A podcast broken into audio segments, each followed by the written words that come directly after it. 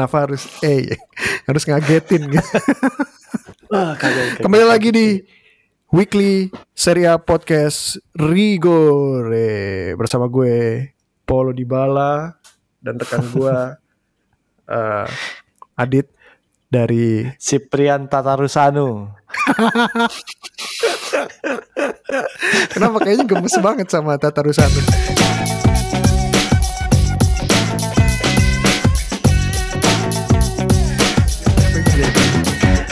Akhirnya guys, akhirnya tim eh, dua tim besar di Italia pemimpin klasemen akhirnya tumbang eh, minggu lalu. Bisa kompak gitu ya Kayak kalau pas seri sama-sama seri Dan Iya, kalau iya. kalah sama-sama kalah gitu Asli iya, bandar nih, bandar bandar.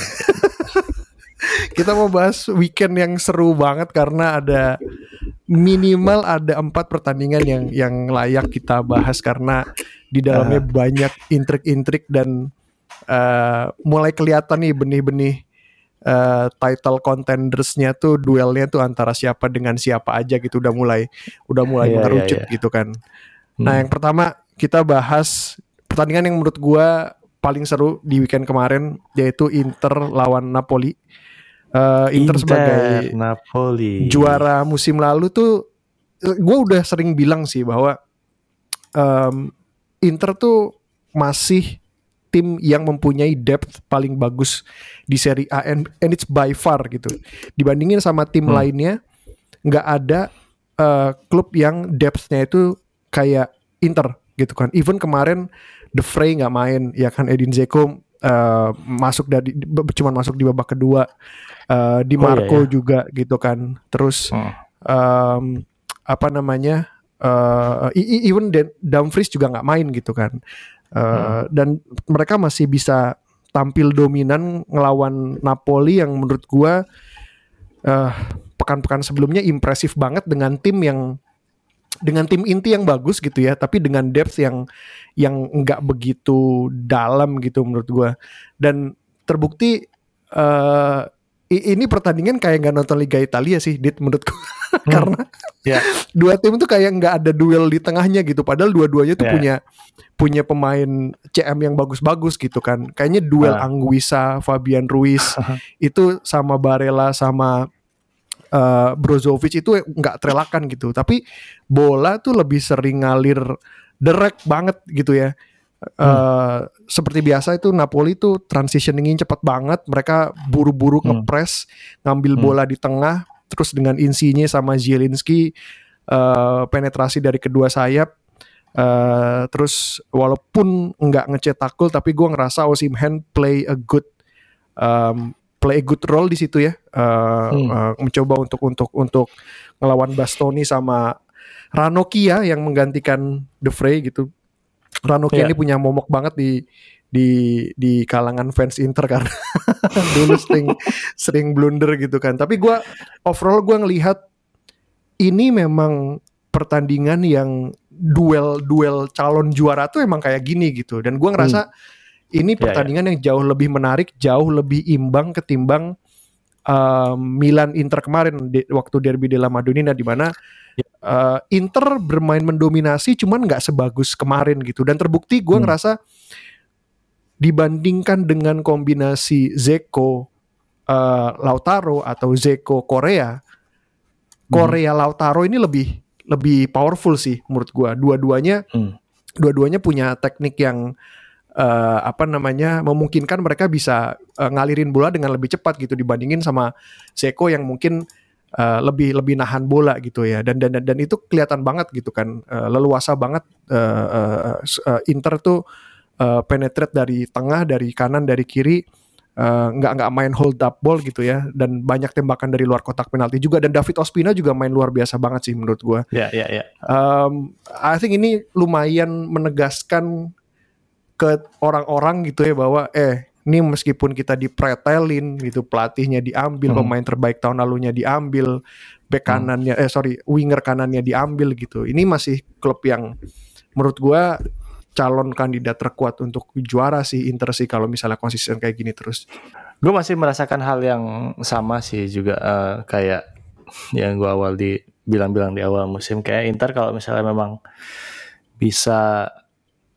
apa ya mempertahankan struktur timnya dari cedera mungkin ya bisa lah akan juara kembali gitu ya. Cuman Yap.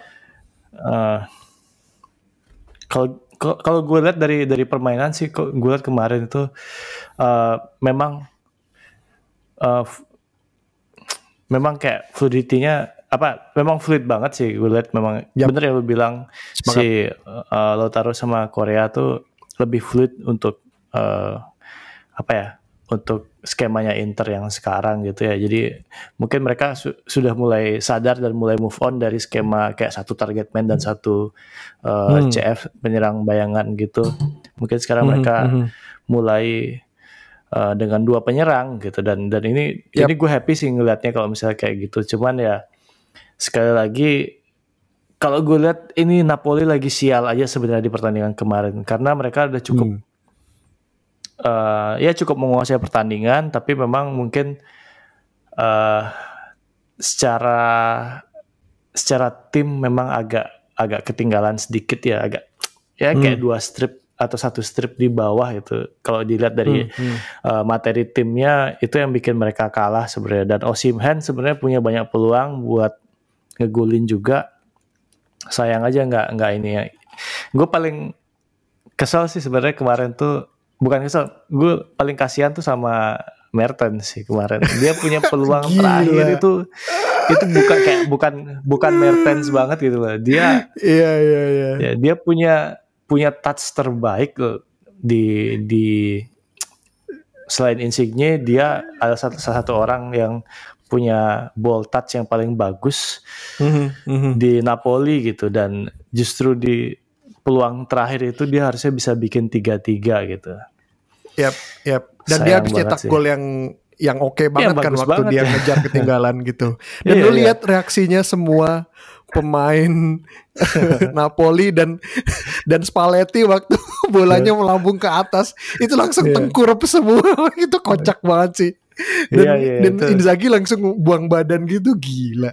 Di pertandingan pertandingan emang seru banget dan Hmm. satu hal dit Hmm. gue pengen ngambil dua pemain yang saling bertolak belakang sih di di satu sisi kita ngelihat lagi insinya itu hilang di pertandingan-pertandingan seperti ini gitu Hmm, insinya kurang eh, kurang influencing lah di pertandingan seperti Hmm. ini tapi Hmm. di di sisi lain men lu nyangka nggak sih Matteo Darmian bisa bermain sekonsisten ini gitu ya gue pikir Hmm, dulu hmm. waktu ha, habis dari MU gitu ya kayak ka- kayak ibarat pemain buangan dari Liga Inggris lainnya ketika kembali ke liganya masing-masing itu agak agak susah balik ke top formnya gitu tapi Ya. Matteo Darmian ini bahkan menjadi pilihan pertama eh, di ketimbang Dumfries gitu ya yang yang yang lebih Ya, ya. agresif gitu ya mungkin karena In- Inzaghi juga juga ngincer pemain yang lebih lebih balance gitu Gi- eh, gi- gimana menurut lu kayaknya Ma- Matteo Darmian kayaknya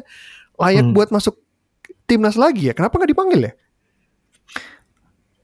Eh, iya iya, mungkin emang mungkin memang materinya belum kelihatan. Ini pemain yang timnas Italia banget gitu. Jadi belum Hmm, belum dapat hmm. kayak gitu gitu. Jadi kayak dan skemanya Mungkin- juga bukan 352 ya di di timnas ya kemarin iya iya. Sebenarnya gue ini juga agak agak sanksi juga sama eh, Perisic dimainin sebagai left wing back. Ini kan Yoi. istilahnya kalau misalnya, Yoi. misalnya dia dia dia main di 352 kan otomatis dua sayap ini otomatis harus bisa defense dong ya. betul Eh, sementara kalau gue lihat memang ah, sebenarnya kan ag agak timpang ya gitu.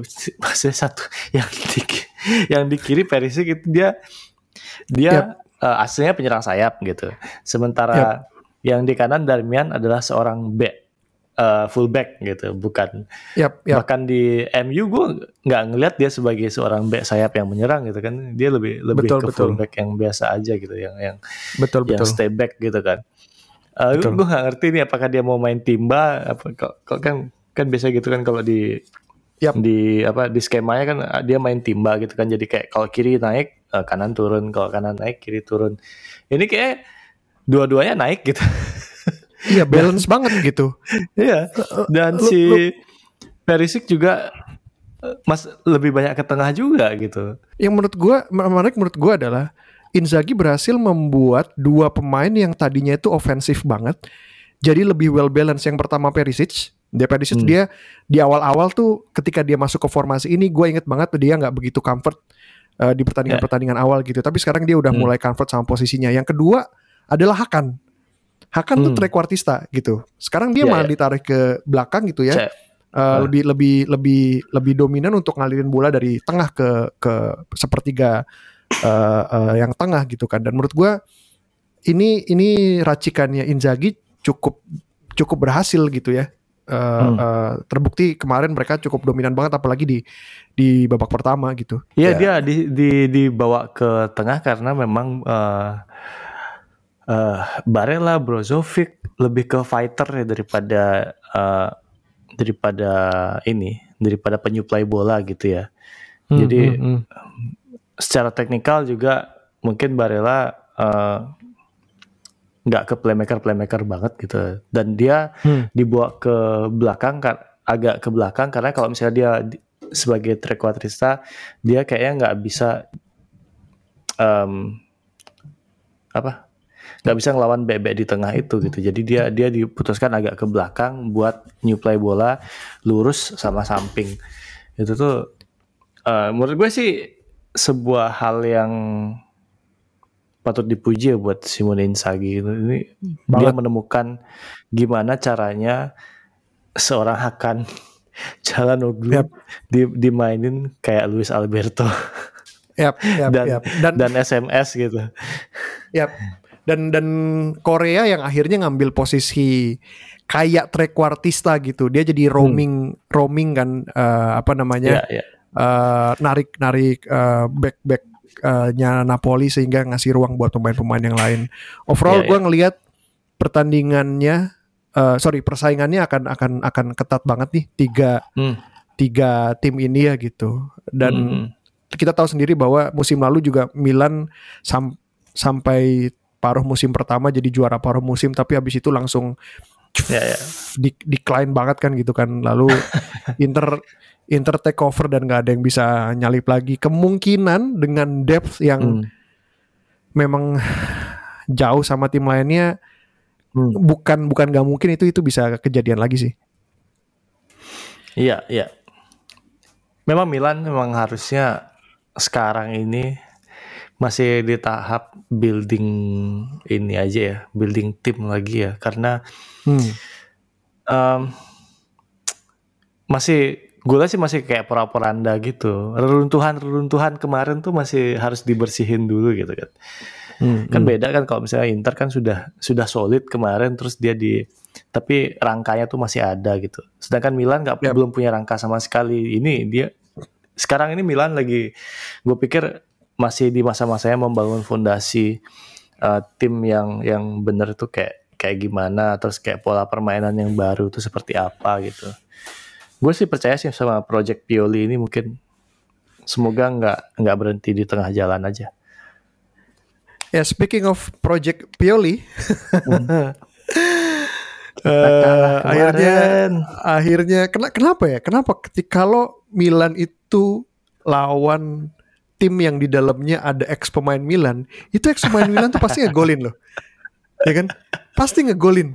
Mattia Destro, Eh El Sharawi dan kemarin ketika kalah 4-3 lawan Fiorentina Saponara ngegolin screamer pula dari luar kotak penalti kan. I think itu ah, kutukan banget gitu kan. Itu kalau sampai Bonavent- Bonaventura ngegolin tuh Iya, itu iya. gue ngakak gitu. Cuman ya akhirnya Hmm. akhirnya tumbang juga ya gitu. Em, setelah ada perubahan ada perubahan formasi di belakang di menit-menit akhir kan akhirnya Mhm. Tomori gak bisa main, Romagnoli juga nggak fit. Kira akhirnya di di tandemin sama Matteo Gabbia. Em, pemain muda yang kalau lo inget musim lalu mungkin cuman main gak ya? Start, start dia main sih mungkin beberapa pertandingan tapi mungkin satu atau dua kali starting gitu dan terbukti Mm-mm. em, masih masih grogi mungkin gitu ya bikin I don't know itu itu menurut gue Hmm. perkara komunikasi sih gitu ya Eh gua nggak clear apakah itu di Tatarusanu karena Tatarusani juga bersalah karena nggak lengket Hmm. pegangannya. Hmm. And then Hmm. Matteo Gabbia nggak aware sama sekitarnya sehingga bolanya dicolong sama Duncan. Um, it's it's a Hmm. rookie mistake yes, but I think dengan ngelihat bahwa ya dia masih muda gitu ya, uh, tempatnya salah lah ya pemain muda ini gitu. Menurut gua um, um, masih masih banyak learning curve-nya masih learning curve-nya masih panjang lah gitu. Hmm. Tapi kalau kita ngelihat ngelihat pertandingannya sendiri, um, ya Milan sebenarnya nggak main jelek sih. Milan sebenarnya nggak main Iya, jelek, iya. cuman Hmm. uh, Fiorentina selalu berhasil untuk untuk mengkonversi peluang-peluangnya mereka dengan dengan baik banget gitu. Uh, dan Hmm. di babak pertama juga uh, beberapa peluang Milan itu nggak berhasil jadi gol.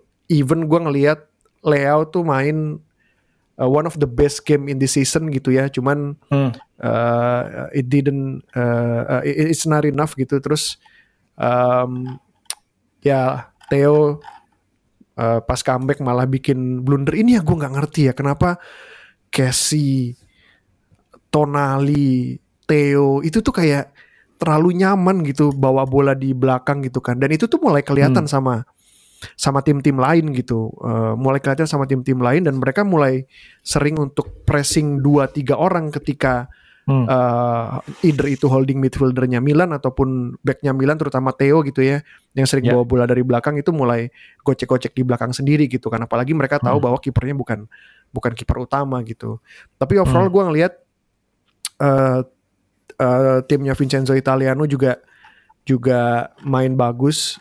Um, um, Vlahovic 14 gol dari 14 pertandingan. Gua Hmm. waktu itu sempet sempet bilang kayaknya dua atau tiga episode lalu ya Dit ya waktu Hmm. bilang kayak Vlahovic ini kok nggak kelihatan ya gitu. Kenapa dia Hmm. tidak fulfilling his potential 90 million striker gitu? Eh ternyata.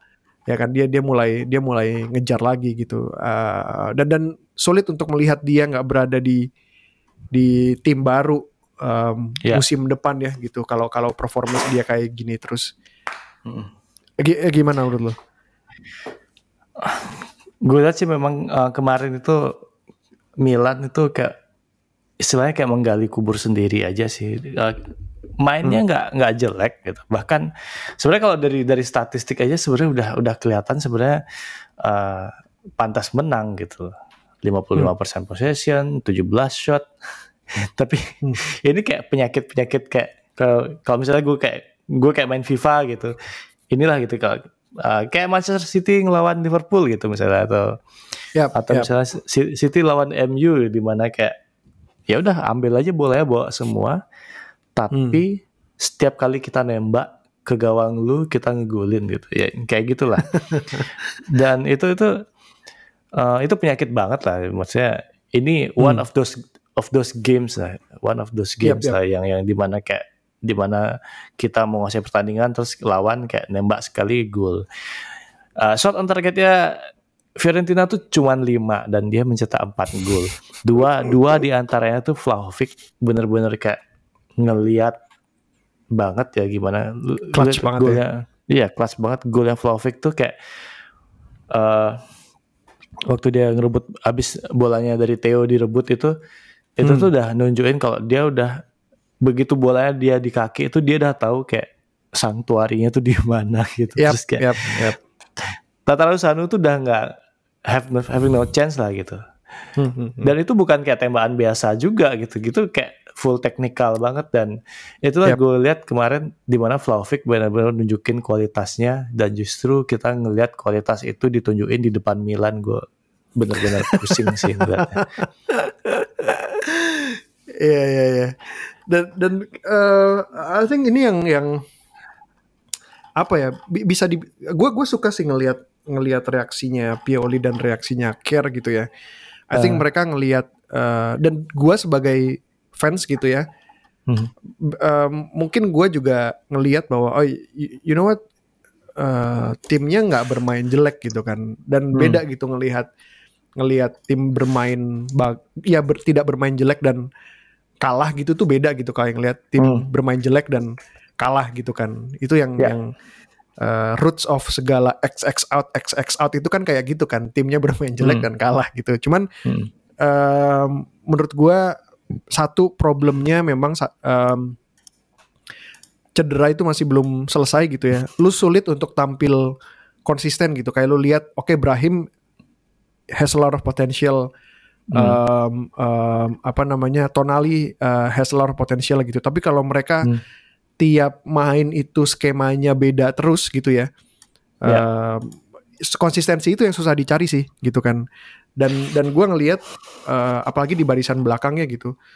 Hmm krisisnya mulai kelihatan kan gitu kan bahwa Kier itu at least harus ditandemin sama Romagnoli atau Tomori gitu kan uh, ya, Gabia ya, ya.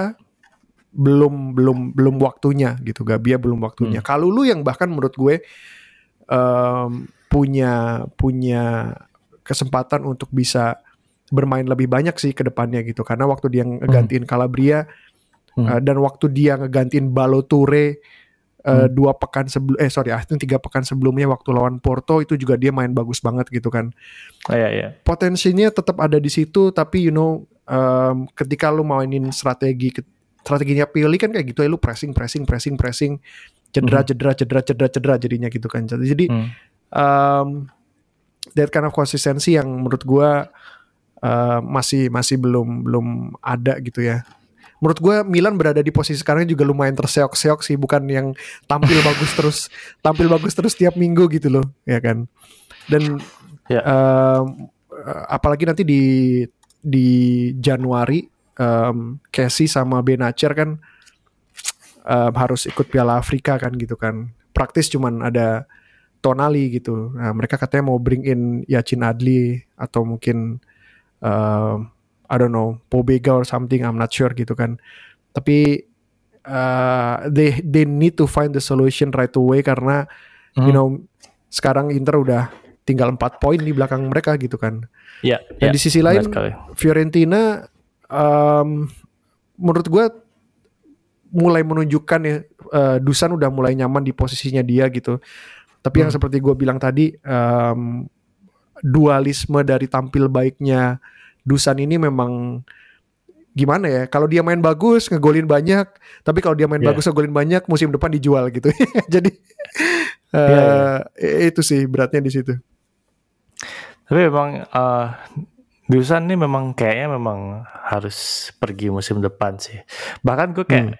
kalau memang kalau memang Milan punya duit mungkin sebaiknya Milan aja yang beli karena uh, Iya, maksudnya Zlatan Milan. sendiri bilang kayak kayak ini uh, prodiginya gue nih gitu kan. Karena gaya mainnya tuh lu nggak bisa lu nggak bisa naruh Milan dan duit di satu kalimat yang sama tuh nggak bisa. Makanya selalu ada kalau gitu kalau Milan ada duit gitu. Uh, tapi memang sih ya kalau kalau memang punya duit tapi memang mungkin dia akan ke mungkin dia akan ke Inggris cuman ya gaya mainnya hmm, dia itu hmm. kayak striker Itali banget sih. Iya iya bener. ya betul betul lu betul. ngelihat ngelihat dia tuh kayak lu ngeliat pemain-pemain Italia yang uh, karakternya itu beda banget nggak kayak misalnya kalau kita lihat di Inggris strikernya itu kan kayak Harry Kane sprint shoot sprint shoot gitu tuh kayak yep, yep. ini kayak Luka Toni men. Serius? Iya kayak Luka Toni bener. Makanya gue ini pengen bilang Toni tadi gitu. Luka Toni atau ya kayak lu bilang Luka Toni ya Quinta kayak kayak gini lah mainnya dia dan dan Alessandro Matri. Eh nggak nggak sebentar sebentar. Wah, gue jadi kepikiran gini men. Kan kemarin si Osimen kan cedera ya? Osimen kan cedera tuh. Dan katanya absen absen empat minggu ya. Terus petanya kan masuk ya. Terus gue berpikir kenapa petanya nggak dicoba di timnas Italia ya? Dia tuh tipe towering striker yang yang mungkin bisa jadi the next Tony gitu loh kalau lu kasih kesempatan gitu. Kenapa Tapi ya? nggak nggak lincah. Di, iya nggak lincah, memang nggak lincah. Dia, dia tipe, ya maksudnya dia dia keep bola gitu. Kayak si, kok kayak kalau kayak Immobile kan dia bisa uh, sprint speednya juga lumayan gitu. Kalau hmm, si hmm. petanya tuh nggak nggak bisa kayak gitu. Hmm. Dia nggak bisa hmm. lari gitu. Yep, Jadi ya yep. otomatis kayak udah di depan doang, diam situ. Nanti kalau dioper, keep bolanya pakai body, terus ya udah gitu. Oke. Okay. Next game yang mau kita bahas ada pertandingan debutnya Andrei Shevchenko yang yang sayang sekali harus kalah dan kalahnya tuh cukup sensasional ya. Dikalahkan Ah. oleh pemain muda eh, berumur 18 tahun Felix Hmm. Avena Gian dari Ghana yang ya. eh, baru masuk juniornya Roma, tim juniornya Roma itu di Ah. Maret musim ini gitu. Jadi Oh, baru iya. baru baru dipromot ke tim senior ini baru baru musim ini gitu. Eh sorry, musim lalu, musim lalu dia masuk ke junior Roma. eh, musim sekarang dia dipromot ke tim senior gitu kan. Hmm. Dan golnya Oke. masya Allah. dia masuk babak kedua ngegantiin Eldor eh dan langsung bikin brace dan gol keduanya sangat insinya sekali gitu ya. Lu nggak Iya, expect iya. killer instinct itu datang dari pemain usia usia Iya. 18 tahun dan dan kayaknya Mourinho happy banget ya gitu. Eh, gimana menurut lu Dit? Iya, ini kan ini kan judi-judi khasnya Mourinho juga ya. Jadi kayak dia ah keluarin dia semua pemain muda dari semua pemain akademi dia keluar-keluar semua ikut-ikut ikut main semua gitu. Hmm, Jadi kalau hmm, kalah dia hmm. punya ada dia ada scapegoatnya gitu. Jadi kayak ya gue Hmm, kan hmm. mainin pemain muda gitu. Jadi ya. Tapi kayak kali Iya, ini iya. memang eh, judinya sih eh, berhasil ya. Jadi kayak menghasilkan gitulah. Dan eh dan ini juga dia menggantikan Eldor Sumurudov tuh kan mungkin kayaknya Eldor bakal terbebani banget nanti. Karena dia praktis gak ngapa-ngapain di pertandingan ini terus ke all Yap. semua peluang itu yang yang create semua Syarawi, Mkhitaryan sama Abraham. Betul. tuh dari kemarin tuh kan sempat digadang-gadang kayak "Eh, ini penyelamat Roma kali apa musim ini gitu tapi Hmm, ya hmm. dibagilah antara bebannya antara Temi atau misalnya sama dia gitu. Tapi ternyata Hmm, hmm. begitu dia diganti terus datang si Felix dan nyetak dua gol yang menurut gue tuh kayak dua-duanya sensasional ya gitu. Yap, Yang yap. satu yang satu first time kotak penalti menyilang, yang satu lagi yang dari luar kotak penalti itu aduh ya kayak lu bilang sih. Kotak yang satu ya itu. iya. Makanya kayak ah, dan sayang sayang banget juga eh, buat Shevchenko dia pertanyaan pertama langsung menghadapi eh, master gurunya. Yap. Yap, yap. Menurut lu ini akan jadi akan jadi pemain gacuan barunya Mourinho atau enggak? Em, kayak nggak mungkin akan disimpan sebagai eh, super sub aja lah gitu. Hmm, hmm. Karena cukup ya, Yap. maksudnya works gitu ya. Apa yang dia lakukan sekarang gitu. Yang kasihan nih ya kayak Charles Perez, Borja, Ma- Borja Mayoral itu kan sudah Hmm. senior ya gitu. Terus mereka tiap dimainin tuh nggak nggak perform. Bahkan Carlos Perez tuh kemarin waktu lawan apa sih minggu lalu tuh dia sempat ada satu peluang yang nggak yang dia egois sendiri dan nggak bisa ngegolin gitu. Itu kayak dihukum skor jam sama Jose Mourinho. Venezia, Venezia. Iya, waktu lawan Valencia itu ya. Yap, Jadi sempat sempat itulah. yang mereka kalah lawan Venezia kan 3-2. Iya iya. Ya itu. Dan- tapi gue ngelihat di sini gue suka banget ngelihat uh, Gianluca Mancini kemarin ya Hmm, hmm. apa bener-bener kayak solid banget dan dan dia nggak nggak Jarang-jarang cuman Iya.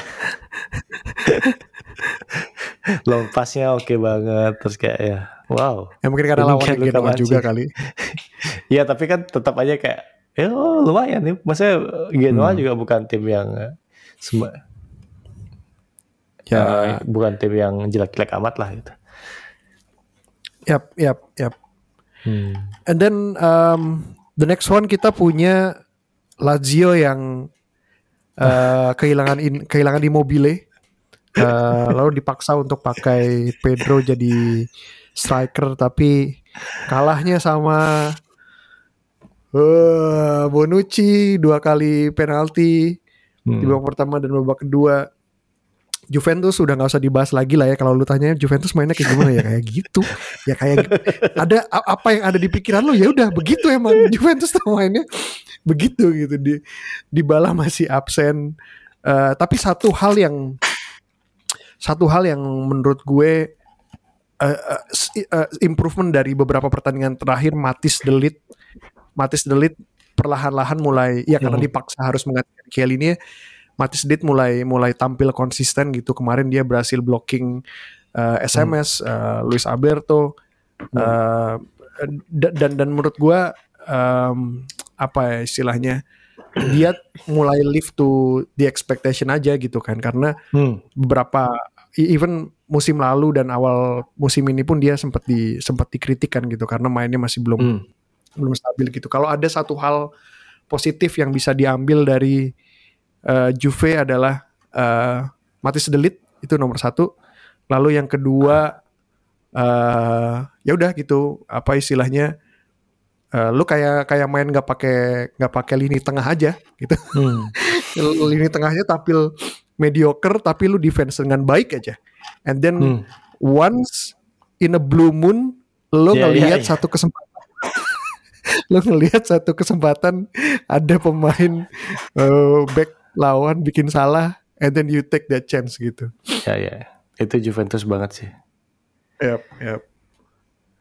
Tapi memang eh, Lazio juga nggak nggak main bagus sih. Memang Hmm, kalau hmm. lawan-lawan selain Juventus pun mereka mungkin akan kalah juga kalau dengan perta dengan uh, permainan seperti kemarin nih dia ya ya udah tetap aja lu kalah mau lawan siapa pun juga kalau dengan match dengan permainan seperti itu akan tetap kalah gitu Hmm, hmm, hmm.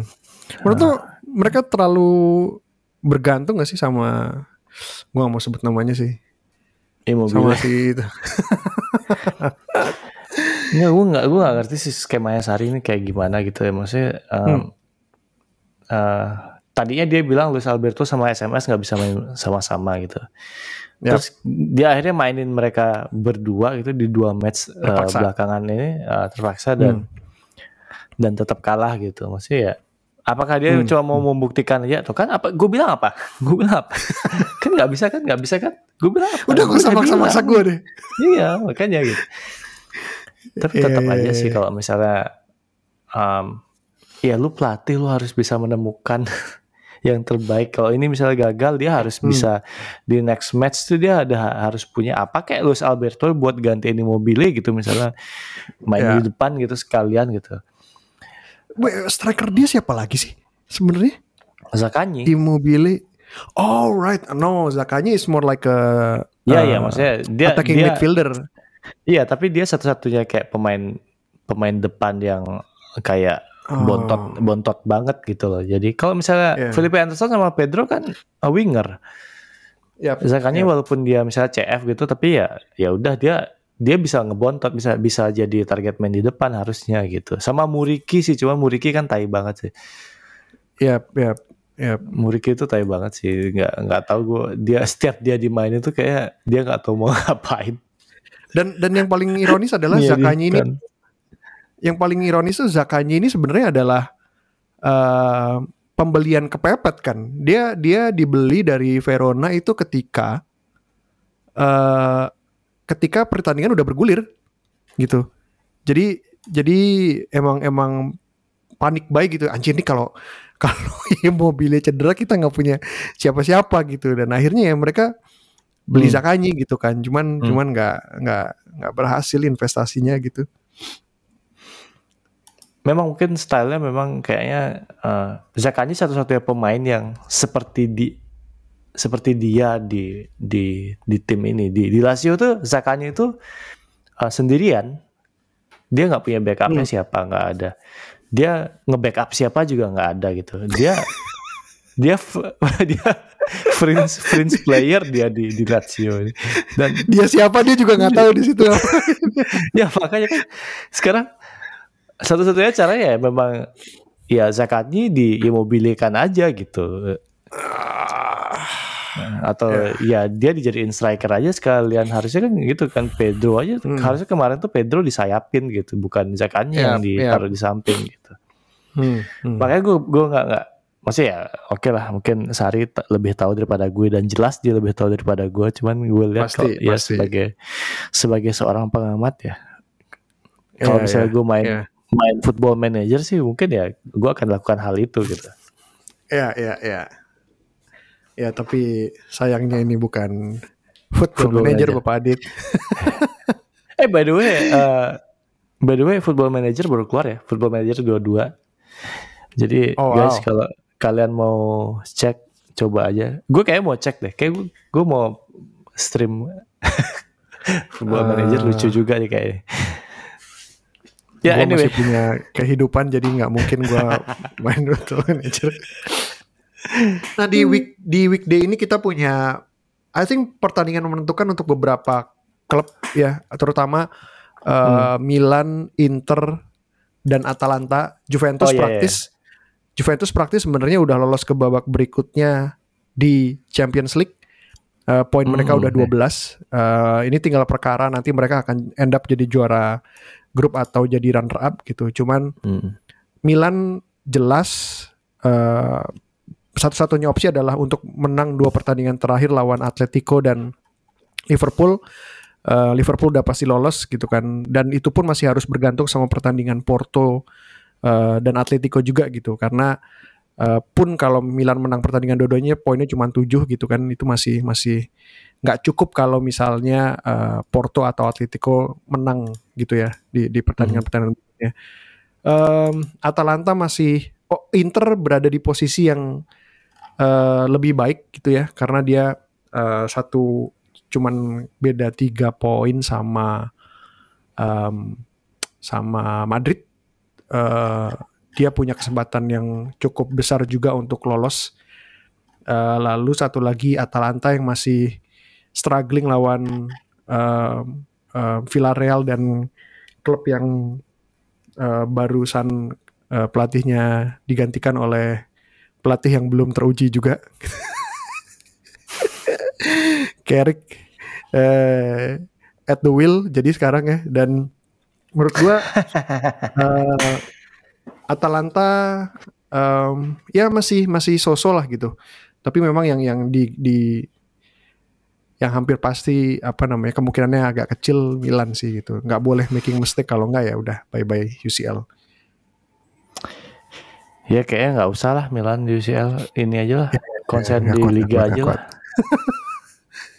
Baik kalau pindah ke zona eh malam Jumat tiga malam Jumat itu aduh itu makin nggak Ya. jelas lagi kan di situ. Iya makin makin runyam nanti di Serie A-nya gitu. Mending Yap, dia yap, kons- yap. konsen di Serie A mungkin mengejaga li, apa ngejaga zona champion aja empat empat besarnya Hmm. dipertahankan Eh, duit dari Liga Champion ya udah dibawa aja Yap, ya yap. apa tahun depan lagi kalau bisa Scudetto ya boleh lah tapi kayak enggak gitu tapi ya udahlah eh, kalau masih di Liga Malam Jumat santai aja gitu kalau misalnya nggak lolos sampai jauh pun juga nggak apa-apa gitu kan Yes, yes. Dan untuk pertandingan di pekan ke-15 nanti minggu depan hmm. Ada yang yang seru Juve Atalanta sama eh, Napoli lawan Lazio. Juve Atalanta Napoli, ini Napoli Lazio ya ya. Juve Atalanta ini sebenarnya eh, bisa dibilang kalau 3 4 tahun terakhir tuh duel Hmm. duel peringkat satu peringkat dua ya. Juve, Juve Atalanta ini menarik sih sebenarnya gitu. Cuman di musim ini keduanya eh, lumayan terseok gitu kan. Menarik sih buat buat ngelihat buat ngelihat gimana sebenarnya Atalanta yang mulai wear off ya menurut gua spellnya gitu. Tapi kalau lihat pertandingan kemarin waktu mereka menang 5-2 kalau nggak salah ya. eh, mereka kalau nggak salah menang 5 5-2 kemarin kan minggu lalu. Di mana Pasali ngegolin dua dan Dufan bermain bagus banget gitu. Hmm. Gua ngerti kenapa kenapa Dufan nggak pindah nggak pindah klub yang lebih besar ya gitu. Apa ini kontraknya sampai kapan sih gitu? Menurut gue Dufan itu kalau berada di klub yang bener, lu bayangin men, kalau Inter sampai punya Dufan, it's good night, good night everyone gitu. Kalau kalau Dufan itu ngegantiin Zeko udah kelar men, Hmm. menurut gue ya gitu.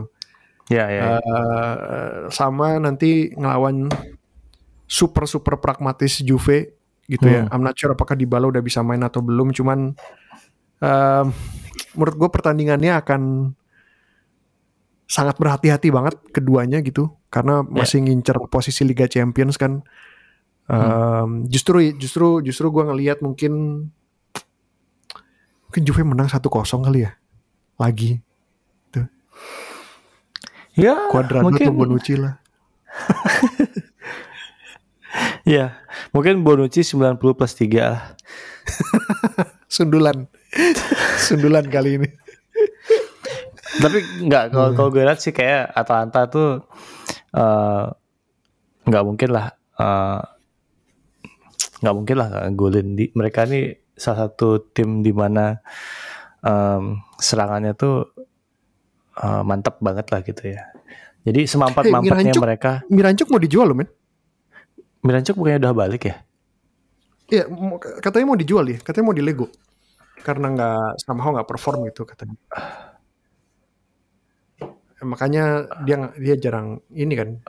Maksudnya yang main either itu Dufan, Ilicic Hmm. atau eh, Malinovski. eh, ya, Eh ya eh, Milan sih yang siaga sih. Milan sih yang siaga buat buat eh, menjaga Mirancuk sih. Tapi daripada Mirancuk sih gue lebih lebih suka kalau bisa kalau bisa sih Malinovski aja. Eh Malinovski bukannya lebih cocok untuk gantiin eh, Brahim ya sebenarnya posisinya dia kan?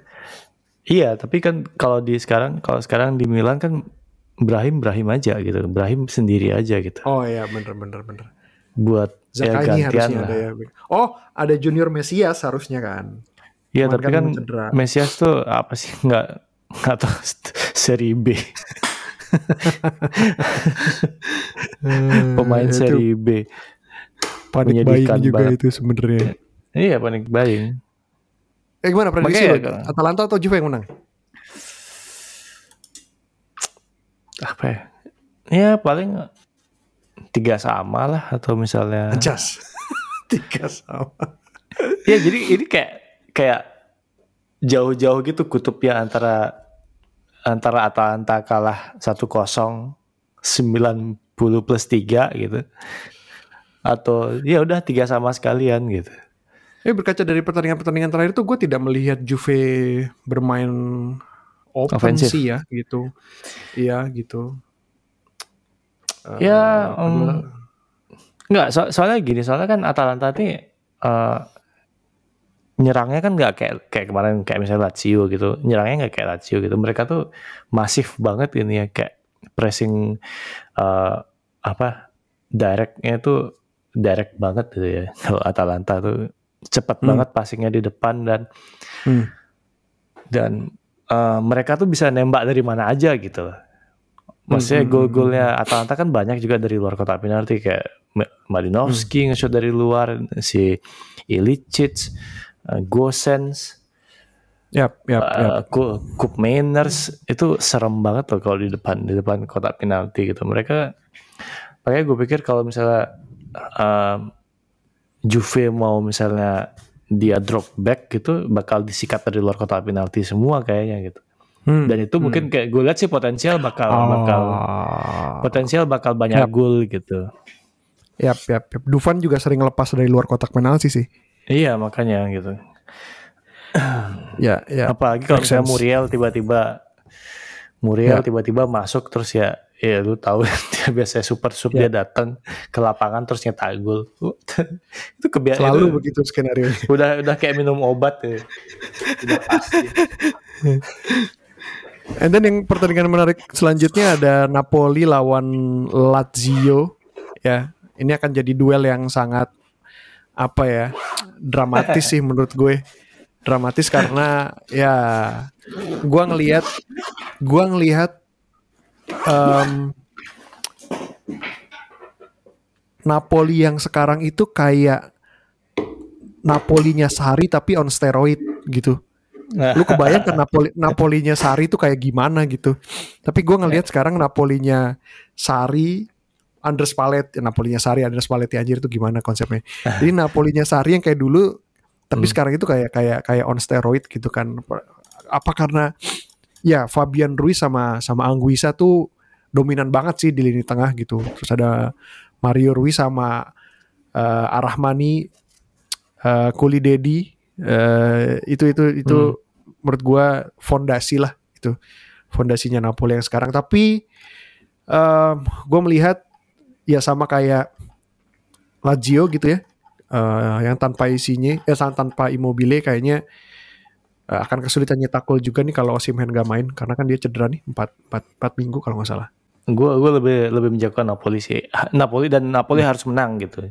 Karena dia harus jadi sebuah tim yang benar-benar bisa menjaga uh, perburuan Scudetto-nya dia tuh tetap uh, jalan ya. Maksudnya kemarin kan kita sudah menunggu-nunggu banget kan kapan nih dia akan kalah gitu kan karena hmm, hmm, hmm. akhirnya akhirnya kan begitu dia uh, Napoli ketemu tim besar kayak misalnya uh, Inter terus Inter. Uh, Lazio itu kan udah level up harusnya gitu dan dan kekalahan yep, yep. kemarin tuh harusnya yang kekalahan di mana kekalahan yang harusnya tidak kalah juga gitu kan karena mereka berimbang banget dan hmm. uh, mereka juga punya peluang untuk imbang dan menang gitu sebenarnya gitu. Yep, Kalau gue yep, lihat yep. sih uh, Napoli menang akan menang sih kecuali Lazio tiba-tiba yep. melakukan akrobat yang ajaib banget gitu kan Iya yeah, kayaknya kayaknya hmm. uh, lini tengahnya sama lini depannya Lazio itu sebenarnya bisa dibilang ratingnya 7 sampai 8 lah ya kalau bisa dibilang nggak yeah. jelek loh itu bagus loh cuman uh, tuh kadang uh. Sari suka aneh aja memang gitu sisanya ada Inter Venezia pasti Inter menang Milan Sassuolo uh, Berardi tolong banget, tolong banget Berardi, tolong lah, tolong lah, tolong aja. uh, Domenico Berardi, tolong uh, tetap menjadi Berardi, jangan tiba-tiba Messi ya. Saya pada, pada suatu iya ada suatu saat tiba-tiba ah gue jadi Messi ah gitu. Ingat kan jadi dulu mencetak 4 gol lawan Milan. Iya, makanya Makanya kalau lu mau memutuskan jadi Messi, tolong pas jad, pas main di timnas aja. Gak usah pas di Sassuolo. Sama satu lagi yang menarik ada ada Roma lawan uh, Torino. Roma Torino. yang uh, empat pertandingan sebelumnya sebelum kemarin itu mereka cuma menang satu kali. Uh, hmm. Kayaknya lagi mencoba untuk kembali ke jalan kemenangan, the winning ways gitu ya. Hmm. Kayaknya hmm. Mourinho mulai menemukan sedikit uh, op, apa ya istilahnya alternatif di depan ya gitu. Mungkin uh, kita bakal ngelihat uh, Felix Avenagian mungkin akan dapat playtime yang lebih panjang dari sebelumnya. Who knows? Tapi El Shaarawy juga looking good.